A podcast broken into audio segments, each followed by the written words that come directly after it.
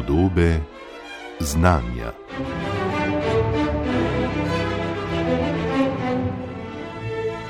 Bolj ko roboti v zadnjem času hitro osvajajo nova znanja in spretnosti ter postajajo bolj avtonomni, bolj zapuščajo predvidljivo in varno tovarniško okolje in prihajajo v neposreden stik z ljudmi. Vse več je tudi humanoidnih, človeku podobnih robotov. S tem napredkom robotike prihaja naš odnos do robotov spet bolj v spredje. Po eni strani roboti zbujajo določeno nelagodje, pogosto v smislu nekakšne grožnje, da nas bodo zamenjali ali nadomestili. Po drugi strani realne interakcije ljudi z roboti razkrivajo, da se lahko ljudje na robote odzivamo čustveno izrazito pozitivno. Vsekakor pa se zdi, da nas roboti soočajo z vrsto zanimivih, tudi zelo temeljnih vprašanj o nas samih. Kako pravzaprav razumemo sami sebe in kakšne nove perspektive nam odpira ta tehnologija ter naš odnos do nje. S temi vprašanji se na presečišču umetnosti, informatike in robotike ukvarja tudi današnja gostja oddaje Podobe znanja, Maša Jazbec, ki je iz humanistične informatike doktorirala na Japonski univerzi v Tsukubi. Maša Jazbec, lepo pozdravljeni. Lep pozdrav. Kaj bi rekli, kaj je torej tisto, zaradi česar ne mara roboti in še prav posebej humanoidni roboti zbujajo toliko bolj intenzivne odzive v nas, kot ne mara kakšna druga tehnologija? Ja, nekako res imamo tak strah, pa tudi predsodek proti humanoidni robotiki, če je le preveč uh, podobna nam uh, človekom, se pravi, če preveč antromorfna. Ne? To je tudi poseben izraz, Uncanny Valley, ki ga je tudi uh, nekako utemeljil uh, japonski robotičar. In govori ravno o tem, dokam pač lahko, dokam še nekako mi sprejemamo robota, imamo še nekako pozitiven odnos, do, do kere mere je še lahko podoben, se pravi, človeku, kje so te, te meje. Ne? In tle je zelo potem že zelo na meji smo, ko govorimo pa o androidnih robotih, ne? ti, ki imajo že res silikonsko kožo, ki so pa že res kot neke prave kopije, replikanti no, ljudi. Medtem, ko takšni roboti, kot je Nao, pa Asimo, ne, kot ga poznamo, te zelo dobro sprejemamo tudi pri nas na zahodu, ne? so nekako simpatični, eh, so roboti in tudi pač imajo takšen mehanski izgled, izgled, prijazen izgled, ne, to še sprejemamo, ko pa pride že malce preveč, pa, pa že nismo več tako eh, odprti in, in zaupljivi. Zanimivo je, ne, da pravzaprav, ko si je pred eh, stoletji Karel Čapek izmislil to besedo roboti za svojo um, dramo, znanstveno fantastično, ne Rosomovi univerzalni roboti, je pravzaprav imel že v mislih take uh, androidne robote, ki so sicer delali v tovarni, ne, uh, ampak bili so že zelo, zelo pravzaprav po njegovi domišljiji blizu temu, kar dejansko spoznavamo šele danes, sto let kasneje. Ne. Zanimivo, kako dolg je ta razvoj. Ja, ja, zdaj uh, neke ideje in zametki teh idej ne ustvariti umetnega človeka, ne, že segajo zelo, zelo v, v preteklost, v zgodovino. Ne. In kaj je meni tukaj zanimivo, ne, da prve ideje ne, uh, humanoidnih, takšnih ali robotov nasploh, ne, so imeli umetniki. Ne. Uh, se pravi, tudi Karel Čapek, ne, pač, pisatelj, ne, je prišel s to idejo 1920, se mi zdi, da je bila premjera. Ne? In tudi on je postavil pač ime robot. Takrat se je prvič začel uporabljati ime pač eh, robot, termin robot. Ne? In to je postavil umetnik. Ne? In potem kasneje tudi še v več zgodbah, ne? tudi prek Asimovga ne? in potem tudi preko filmov. Ne? Nekako prvi, prvi ja, zametki tega je bilo res bolj mogoče v pop kulturi. Ne? Danes ne pa takšne vrhunske, takšne robote razvijajo, manifestirajo pa res znanstveniki. Ne. Ampak moram reči, da kar nekaj teh znanstvenikov, robotičarjev ne, sem spoznala in vsi so nekako res fani science fictiona in imajo nek čut za umetnost. Ne. Tako da je povezava, je povezava. Nedvomno je, zelo dobro se spomnim pred leti, ko se je v Sloveniji mudil robotik Hiroshi Shiguro, pri katerem ste tudi bili in z njim sodelovali. On je definitivno pionir teh androidnih robotov, ki so tako zelo podobni človeku, da morda na prvi trenutek niti ne vemo, ali zdaj gledamo človeka ali robota. In je v pogovoru povedal, da si je pravzaprav, ko je bil otrok, želel biti umetnik, slikar, potem pa uh, je ugotovil, da bi morda raje se preusmeril v robotiko, ampak potem se je prek robotov pravzaprav spet nekako vrnil k umetnosti in vprašanjem, kaj je človek. Ne? In tukaj se zdi, da se lepo kaže, kako zelo prepletajo se ta področja, s katerimi se tudi vi, Maša Jazbec, ukvarjate. Ja, ja tako je. Ja, tudi on je želel, kot je bil še otrok, je želel biti umetnik, slikar, oljni slikar. Ampak potem nekako splet eh, okoliščino mu pač ni tega dopuščal. Ne? Ampak se je preusmeril potem v, v, v robotiko in potem v to androidno robotiko. Ne? In tudi on je, ja, ma, moram reči, da ima res velik čut za umetnost in tudi maj se razlikuje od ostalih um, teh um, raziskovalcev, razvijalcev, robotičarjev, ne? da ima res nekako poglobljen bolj filozofski pogled tudi na samo robotiko, ne? tudi ko je utemeljil to androidno znanost. Ne? On tu pravi, da takšne robote, ki jih on ustvarja, androidna znanost je v bistvu študija človeka ne? in tudi pravi, kako eh, študirati človeka. Najbolje pač, da poskušaš narediti kopijo. Ne? In on se res tega, tega drži. In tudi Eka njegova misija je tudi pač približevati robotiko širši javnosti. Ne? Tako tudi on je na japonskem zelo cenjen kot znanstvenik, ne? akademik in res raziskovalec.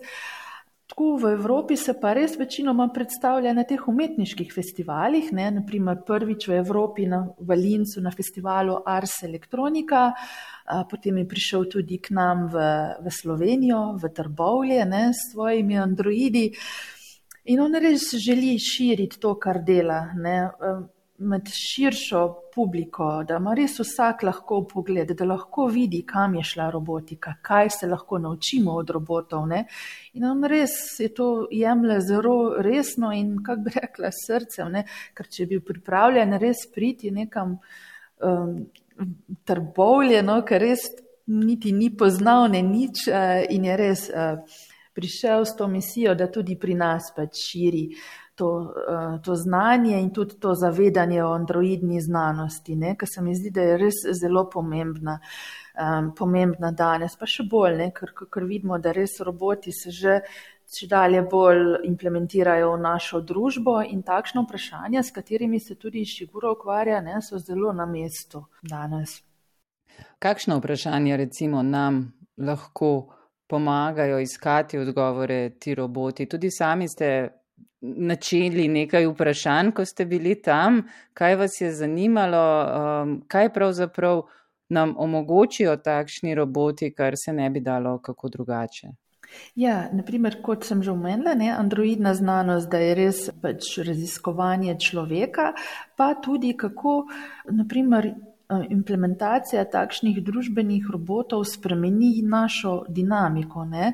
Ker profesor Išiguro je izvedel tudi zelo en kar ekstremni eksperiment ne? in sicer svojo družino.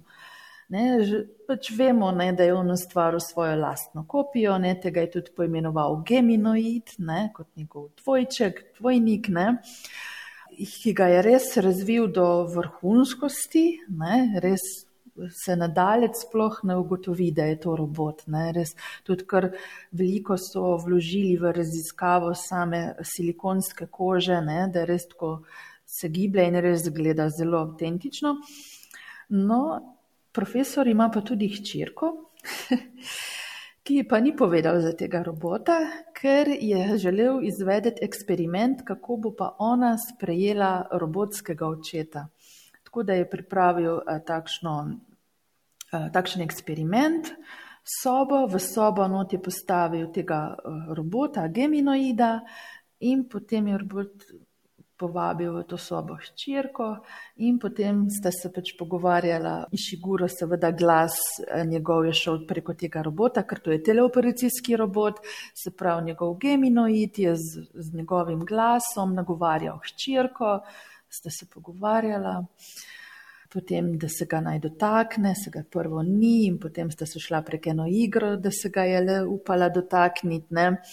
Potem seveda je sledila empirična raziskava, se pravi tak intervju tudi s črko in eksperiment je padel. Njegova hčerka še vse ni ne, sprejela robota eh, kot za očeta. Ne, ampak na takšen način no, on pač preizkuša in raziskuje, kako bi roboti spremenili dinamiko tudi v družini. Ne.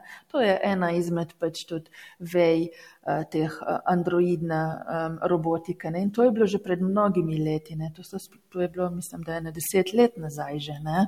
Je že on pač imel takšno vizijo, ne, že takšne eksperimente. Uh, No, kaj pa mene tudi uh, zanimalo, ne, in kakšne eksperimente sem pa jaz izvajala pri njemu v laboratoriju, je pa šlo v bistvu za zamenjavo uh, telesa med človekom in robotom. Ne. Mene je pa zanimalo, do katere mere, oziroma če lahko nekako mi uh, z raznimi temi stimulusi, pa um, posebnim protokolom, če lahko nekako mi pretentamo naše možgane, da bi za nekaj časa res vzeli telo robota kot za svojega. Ne.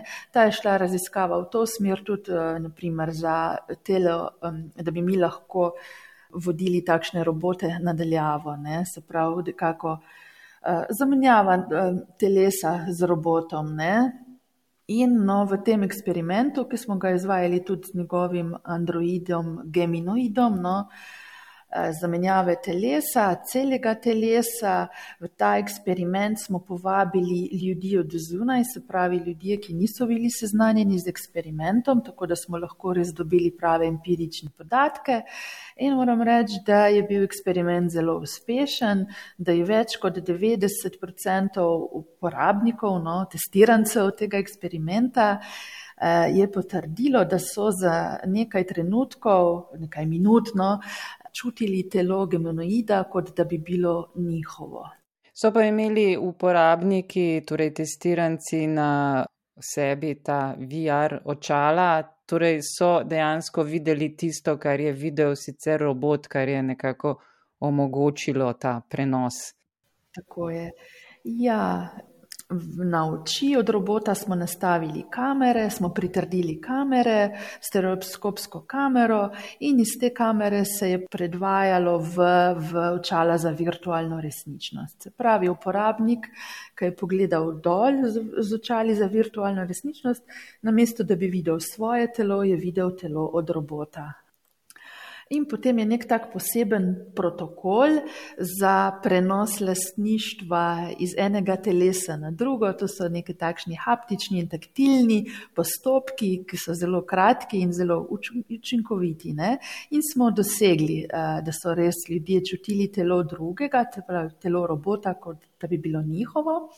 No in na začetku smo imeli tudi takšno še takšno zaveso vmes med robotom in uporabnikom oziroma testirancem, tako da ni videl robota pred seboj. Ne. Potem smo pa to zaveso umaknili in potem ne. Pač še vedno, ko so pogledali dol, so videli telo od robota, nasproti sebe so videli pa sebe. Potem so se lahko rokovali in to ne. Je bilo tudi eh, neverjetni občutki, so poročali, res niso vedeli, v katerem telesu so, ker smo jih tudi vprašali, če lahko s prstom pokažejo na svoje telo. Pa so kazali tja, ampak ne morem biti tam, potem nase, pa si pa če dol pogledam, to ni moje telo. Ne? Tako da so bili za, za par momentov kar zelo, zelo zmedeni. Zdaj, da je bil to tudi zelo. Um, Kar popularen eksperiment v laboratoriju, tako da so ga skoraj vsi iz laboratorija, tudi ostali raziskovalci, ki so delali na drugih projektih, eh, želeli preizkusiti, pa tudi obiskovalci, eh, pač ki mu profesori Šiguro ima res eh, vsak teden razne, razne obiskovalce, tako medije kot stroka, raziskovalci, profesori, res ne. No in tudi njim smo potem demonstrirali ta projekt. No, nažalost, jaz ga nisem mogla ven iz laboratorija predstaviti, ker je pač uh, zelo kompleksno, zelo težavno tega robota sploh predstavljati ven iz laboratorija. Ne. Vsekakor pa to nekako odpira številna spoznanja tudi o pravzaprav nas, o tem, kako delujejo pravzaprav človeški možgani, kako pravzaprav si postavljamo meje, kdo je to, kar, kar sem jaz. Ne?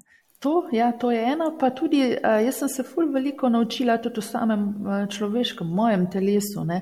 kar veliko stvari nekako jemljemo for granted. Ne? In res, ker tam, ker sem pa mogla, potem sem se mogla seveda naučiti tudi to kinestetiko robotskega telesa, eh, v primerjavi z našim človeškim telesom, pa potem, ker sem mogla ne, sprogramirati gibe robota, ne, ker se je robot tudi premikal. Ne, in potem samo ta gib, da je robot roko dvignil, pa malce tako tja v levo dal, ne, to v bistvu je bilo treba, je bilo ogromno nekega dela. Ne. In potem se tudi v bistvu kar nekako ne zavedamo, da ko mi to majhno kretnjo naredimo, da v bistvu skoraj cele naše telo je aktivno. Ne? Tako da se zelo veliko naučimo tudi eh, v, o človeškem telesu nose, jaz sem se res uh, ogromno, ne? Pa seveda tudi o samih ja, naših percepcij možga, možganov, ne mislim. Eh, percepciji eh, drugega telesa in tudi ta eksperiment, ki smo šli, no, je tudi se zelo dotika pač eh, neuroznanosti, da smo tudi tukaj posegali tudi na to področje, tudi z tega področja sem se veliko naučila ne, in tudi Na japonskem sem se prvič spoznala fizično tudi s temi brain-computer interface napravami in pač neuroznanostjo, ker smo tam tudi izvajali eksperiment, kjer smo pa lahko z možganskimi impulzi preko brain-computer interface umestnika seveda tudi upravljali, se pravi premikali dele robota z mislimi. No, to tudi tam, ker del androidne znanosti seveda gre tudi za rehabilitacijo. Tudi en velik no, razvoj robotike gre v rehabilitacijo, ne se tudi rehabili, rehabilitacijska robotika, tudi, to tudi obstaja. No. S tem se pravzaprav tudi ukvarjate tudi tu v Sloveniji. V delovskem domu Trbovlje vodite laboratorij tudi za kreativno rehabilitacijo z robotko. Evo, kako to izgleda, eh, kakšen je namen, kako se tega lotevate? Ja, no, moram reči, da sem te metode eh, približevanja robotike širši eh, javnosti, širši publiki, seveda povzela iz Japonske, ne, med mojim raziskovanjem robotike na Japonskem, sem delček tega njihovega načina prinesla tudi sem k nam. Ne. In to sedaj vodimo pod premiso humanizacija tehnologij, eh, pod kreativna robotika. V našem DDT laboratoriju imamo dva robota, manjšega humanoidnega robota, ki jo imenujemo Eva, da niso vsi roboti fantje, ne, je naša punca Eva, za katero smo tudi ustvarili, zgradili tudi identiteto in karakter. Mislim, da je prvi humanoidni robot v Sloveniji z identiteto in karakterjem. Ne. In je meni tudi zanimivo, ne, ker je kar veliko povpraševanja po njej. Ne. Mislim, da je že kar kakšna agenta bi že robila menedžerja. No, in sploh nihče več ne reče, vaš robot, ampak rečejo, da bi lahko vaša Eva prišla. Mi se pa zanimamo za najem vaše Eve. Ne, sploh ne, ne rečejo več robot. No, potem imamo pa tudi eh, manjšega industrijskega robota, industrijsko robotsko roko z podjetja Jaskava, japonsko podjetje, eh, ki sedaj tudi ustvarilo. Um, Evropski center Jaskave je v bistvu tukaj v, v Sloveniji, v Ribnici in v Kočevju. No, tudi s to industrijsko robotsko roko, no, mi ga imenujemo Jaski, tudi smo nekako spremenili namembnost, ne, z industrijske robote smo mi vajeni v nekih industrijskih obratih, no, mi smo pa tu pri tem projektu Jaski, kot ga imenujemo, ne gre pa za unikaten prenos tehnologije iz industrijskega področja na področje družbene enega. Ne? Kajti naš, eh, naša robotska roka slika, piše, riše, riše portrete, pa povezali smo jo tudi z brain computer interfejsom, se pravi s tem umestnikom med možgani in strojem. Tako da lahko mi slikamo, se pravi, mi si zamislimo neko slikarsko potezo in eh, naš jaski, naša robotska roka to naslika. Ne? To tudi mi imenujemo kreativna robotika, eh, kreativna rehabilitacija. Ne? Se nam zdi kar en tak fajn pripomoček za eh, rehabilitacijo. Zdaj, omenili ste, torej, da s tem umestnikom med možgani in strojem torej, vodite to robotsko roko pri slikanju. Pa me takoj zanima, kako um, ta slika, ki jo robotska roka na koncu nariše, odseva idejo, ki ste jo torej, imeli. Kaj ti jaz, recimo, zase lahko rečem, da imam neko zamisel, kaj bi rada narisala, pa moje roke ne bodo pač ustrezno izvedle um, zaželenih ukazov. Um, Kako pa to potem izgleda pri robotih, za katere smo navajeni, da po eni strani pa znajo zelo natančno, egzaktno, ob pravih navodilih pač eh, narisati marsikaj? Ja, ja no, z našim robotom, z Jaskijem, trenutno imamo pač razvito aplikacijo, um, da ne slika abstraktno sliko. Ne? Mi imamo že takšno vnaprej pripravljeno paleto z, z slikarskimi potezami, barvo pa slikarsko potezo, um, sem da jih je okrog, se ne vem. 20, nekaj takšnega. No? In mi z mislimi izberemo si katero koli izmed tega nabora, in robotska roka je naslika. Uh, Eh, in res uporabniki, no, majo, jih pa vprašamo, ne, kako pa imate raj, ali da slikate z, z čopičem, z vašo roko, ali da robot ne slika. Pa kar večina jih reče, da, raj, eh, da imajo raj, da robot slika, da boljše ne slika kot oni. Tako da je kar eh, zelo priljubljeno, uh, priljubljena demonstracija, prnesno, ne samo demonstracija, izkustvo. No, bom rekla, ker v našem laboratoriju, no, obiskovalci, ne le da jim mi v teoriji to vse pokažemo, ampak smo zelo kratki v teoriji, ampak kar gremo bolj na res interakcijo in doživetje. Ne. In potem no, smo pa tudi razvili aplikacijo, da se da tudi to našo robotko Evo, se da tudi upravljati eh, z mislimi. E, smo tudi zasnovali par njenih gibov, e, ki jih mi izberemo z mislimi in robotka potem to naredi, ne, pač maha z rokami, pa hodi. Ne. To lahko tudi mi se povežemo z njo na nek res poseben način, ne, ker pač razvijamo takšne creative human-robot interactions, ne, takšne kreativne interakcije med človekom in robotom. In moram reči, da je res kar veliko zanimanje no, za to. In kar pa tudi mene zelo veseli, da smo kar nekaj deklet, pa tudi kar nekaj posameznikov, no, ki mogoče niso, te, niso bili prej tako eh, nekako navdušeni nad tehnologijami, smo jih pa navdušeni nad študijem robotike. Ker no, mislim, da je to nekako mečken problema ne, v Sloveniji, da mogoče širša javnost pa mladina nima dostopa do robotike. Ne. Kam lahko greš, da bi ti lahko nekako na nek kreativen, inovativen, pa zanimiv način predstavili robotiko. Ne. Tako da nekako no, potem to, mi za to lahko poskrbimo. Ne. In res zanimanje je izredno, tako kot pri nas v laboratoriju, ker se lahko pač, kdo nas želi obiskati, se napove. Uh, pa tudi kar vabljeni smo, no? veli, večkrat se predstavljamo tudi v odličnem tehnoparku Celje, to je prvi večji uh, park znanosti, tehnologij in inovacij v Celju, na novo zgrajeno lansko leto. Um, septembra so odprli, no in tam večkrat uh, gostimo no, z, našjo, z našimi roboti, no, z našim programom Kreativna robotika, pa tudi neurorobotika, ne, tudi to tam predstavljamo. Zdaj, na japonskem, ne, odkudar so tudi velik del vaših osebnih izkušenj z roboti, so roboti pravzaprav že kar um, vse prisotni, tudi na aktualnih olimpijskih igrah bodo odigrali svojo vlogo. Um, Vse več jih tudi na japonskem uh, uporabljajo, da nimo pri pomoči starejših, tudi v raznih re rehabilitacijskih programih.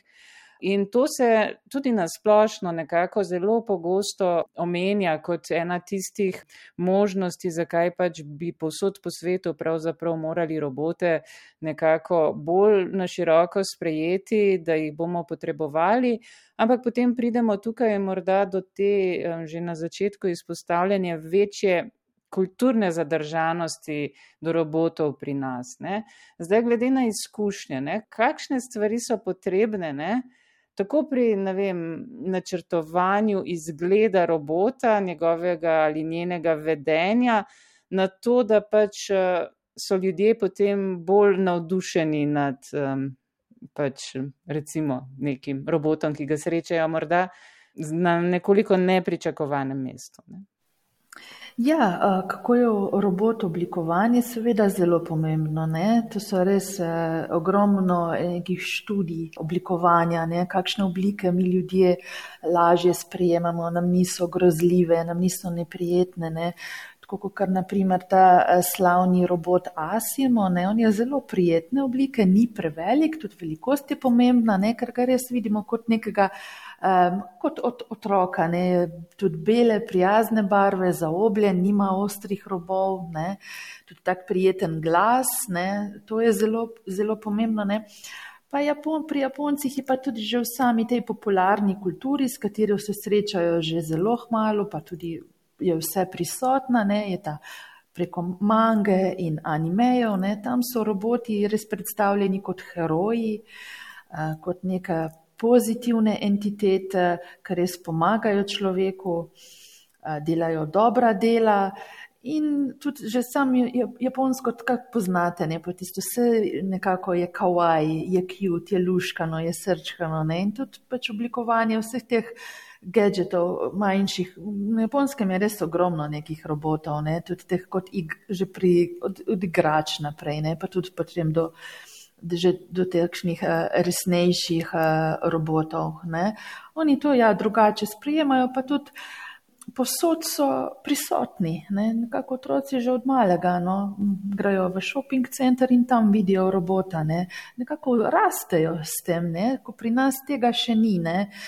Pri nas pa res mogoče je že kulturi so naši, tudi popularni kulturi so res predstavljeni precej negativno roboti, ne, tak terminator način predstavljanja. Ne. Pa že pri Čapku se zgodba ni dobro končala.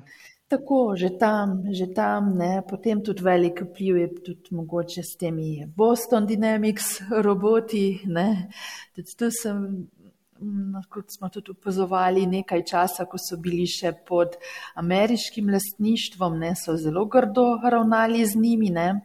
Zdaj, zadnje čase, pa ne vem, če kaj spremljate, meni je to zelo presenetljivo, ampak Boston Dynamics so kupili uh, Softbank, to je japonsko podjetje. Kar je mene presenetilo, je to, ker so bili res zelo proti uh, militaristični tehnologiji, ne? ampak potem so, zdaj so pač kupili Boston Dynamics. No, in so jih že prodali, sedaj je Boston Dynamics kupil podjetje Hyundai. In mogoče ste opazili, da zdaj v zadnjih videih eh, promocijskih ne, jih nič več ne tepejo, nič več ne ravnajo grdo, ampak sedaj roboti plešejo. Ne, verjetno se že to tudi odraža. Če pa ja, no, tako so, so razlike, ne, ampak eh, Sej se mi zdi, no, da tudi zdaj v Sloveniji se je tudi začelo malce več pogovarjati o robotiki no, in da mogoče že res ljudje malce zgubljajo strah. Ne. Tudi sedaj um, zaradi podjetja Jaskava, ne, ki je tudi vzpostavilo uh, Eh, tovarno robotov v Kočevju, se pravi, da sedaj tudi te industrijske robotske roke izdelujejo tudi v Sloveniji ne? in seveda eh, poklic mehatronika je zelo uh, iskan ne? in je res pač mlade treba navdušiti na to, pa jih seveda tudi ozaveščati o tem, v dobri rabi robotike. Ne? Seveda je vedno bo prisotna, tako kot pri vsaki tehnologiji, tudi negativno, ne zraven, seveda, to gre zraven, ampak. Bodimo pa optimistični in res um, poskušamo razvijati tehnologijo v, v pozitivne, v, v, bolj, uh, v bolj humane ne, uh, namene. Ne. Ker tudi robot bo pač delal takšna dela, ki pač niso primerna za človeka, ki niso zdrava za človeka. Ne. Nekdo bo pa vedno moral upravljati in programirati robota. Ne. Tako da ni, da bi zdaj, uh, zdaj ne vem, koliko služb se je izgubilo ne, na ta način, bodo nove. Ne. Kako si torej sami predstavljate morda prihodnost čez recimo deset let, da ne bova šli predaleč, manjša jazbec? Ja, mislim, da, bo, eh, ja, da se bo tudi eh, družabni roboti, da se bodo kar bolj pojavljali, eh, pojavljali med nami, da bomo tudi naprimer, že v teh v učnih procesih, da bodo tudi že v roboti sodelovali skupaj z učitelji v šoli, v poučevanju, potem, da bodo tudi pri negi starejših tudi že roboti pač pomagali. Ne? In naprimer, da bodo neki taki pozitivni družabniki ne, tudi med, med starejšimi, pa tudi seveda so študije tudi med avtističnimi otroci, ne, da zelo bolje sprejemajo nekako robote. Ampak ne v tem smislu, da bi zdaj nas nadomestili, to nas nikoli ne bodo. Ne. Mi bomo samo morali nekako vzpostaviti nek odnos, ne. tako kot smo ga tudi nekako z drugimi tehnologijami, ne, tudi naprimer s pametnimi telefoni. Nekako. Taka Viking Creek je bil to prva, zdaj smo pa tudi nekako sprejeli to medse. Ne. In mislim, da bo počasi, počasi tudi s to z robotsko tehnologijo prišlo do tega. Ne. To so pač bitja, ki smo jih mi ustvarili ne, in pač na nas je, eh, zakaj jih bomo uporabljali, kako jih bomo uporabljali in kakšen odnos bomo razvili do do teh novih, novih entitet. Vsekakor se očitno obeta spet zanimiva prihodnost. Sigurno. Najlepša hvala za pogovor, Maša Jazbec. Hvala za povabilo.